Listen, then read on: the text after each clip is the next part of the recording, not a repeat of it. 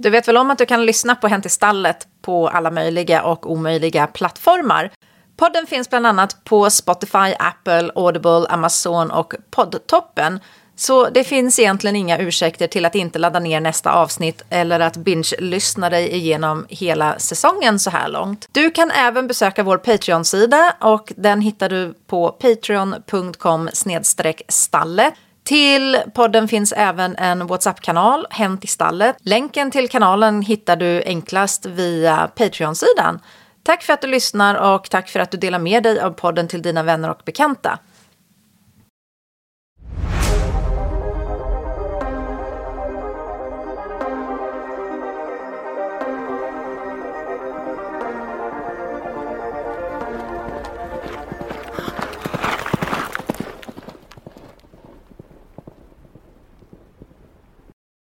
Hej mina vänner och välkomna till ännu ett avsnitt av Hänt i stallet. Och idag kanske det är lite rörigt och stökigt i bakgrunden och det beror på stormen som har dragit in över landet. Men jag hoppas att ni hänger med ändå och lyssnar på vad jag har att säga. Och idag skulle jag vilja prata om sportswashing. Om du inte känner till begreppet sportswashing så kommer här en liten kort sammanfattning. Det är en form av propaganda och det är nationer eller regeringar eller grupper av människor som använder sport för att tvätta rent ett dåligt rykte. Och några av de här sportwashing-evenemangen som har varit på senare tid och som kanske man inte riktigt tänker på är ju OS i Sochi till exempel, vinter-OS. OS i Beijing, vinter och sommar-OS i Beijing. OS i Sydkorea och eh, liknande platser. Och det, man använder ju det här sportwashing då för att man har lite dåligt rykte. Och gemensamt för de här är ju att man, de här länderna, de förtrycker folk på ett eller annat sätt. Och man städar upp för att man vill visa god sport. Man vill visa att man är bättre än vad omvärlden påstår att man är. Och senast nu då så har ju arabvärlden kommit in i ridsporten och eh, Internationella ridsportförbundet har ju förlagt flera tävlingar i arabländerna. Det är i Qatar och i Saudiarabien. Och nu så är ju toppryttarna på tapeten igen då och enligt dem så vill de ju bara rida. De vill ju bara tävla och tycker väl att kanske inte de är väldigt politiskt korrekta med det här och anser inte att man ska göra en bojkott. Men det är väl precis det man borde göra.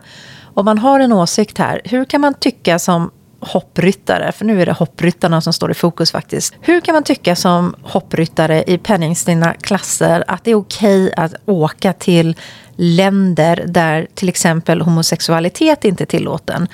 Och rent krasst så är det ju så att ridsporten är väl en av få sporter som någonsin skickat öppet homosexuella deltagare till ett OS.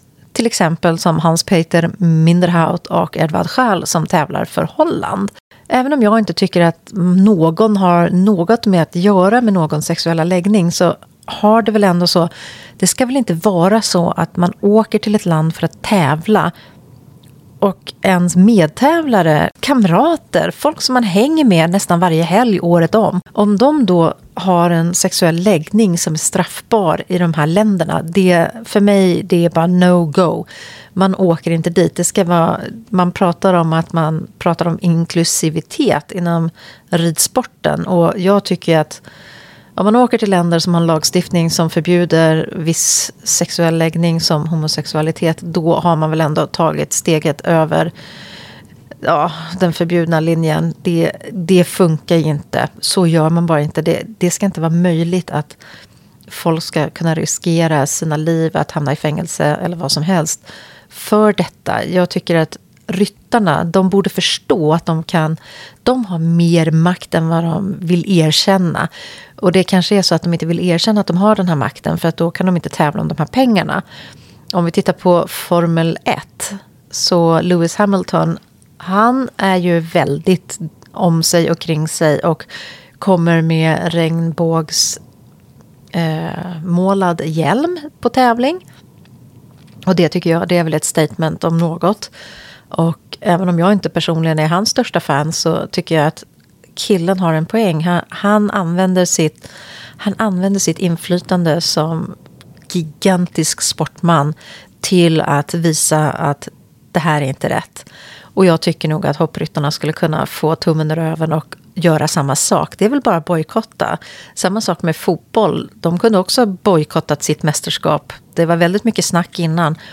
Men när det väl kom till kritan så var det så här, nej men vi åker dit för vi, våran, vad är det man brukar skylla på? Man brukar säga att våran närvaro kommer hjälpa till att lösa problemen. Och det gör det ju inte, men förstå vilket budskap det skulle sända ut om de här toppryttarna i hoppning inte lastade sina hästar och åkte till de här tävlingarna. Utan att man helt enkelt bojkottade dem rakt av.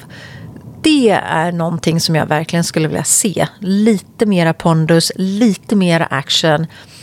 Och inte bara det här, ja men jag vill tävla. För det, det handlar inte om att du vill tävla. Det handlar om att vi måste göra världen till en bättre plats. Och då funkar det inte med de här sport, sportswashing-nationerna som gör allt för att dölja oegentligheter mot mänskligheten eller mot djur för den delen.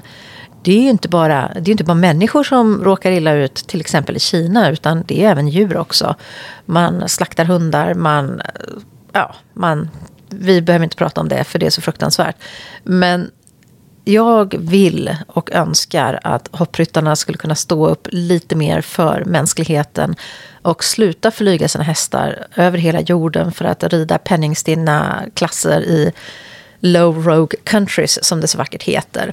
Jag vet inte vad du tycker om det här, men om du har en åsikt så får du jättegärna höra av dig. E-postadressen är stallpodden gmail.com och om du vill kommentera ett poddavsnitt eller lyssna på fler så besök hemsidan. Den finns länkad till här i anteckningarna under avsnittet.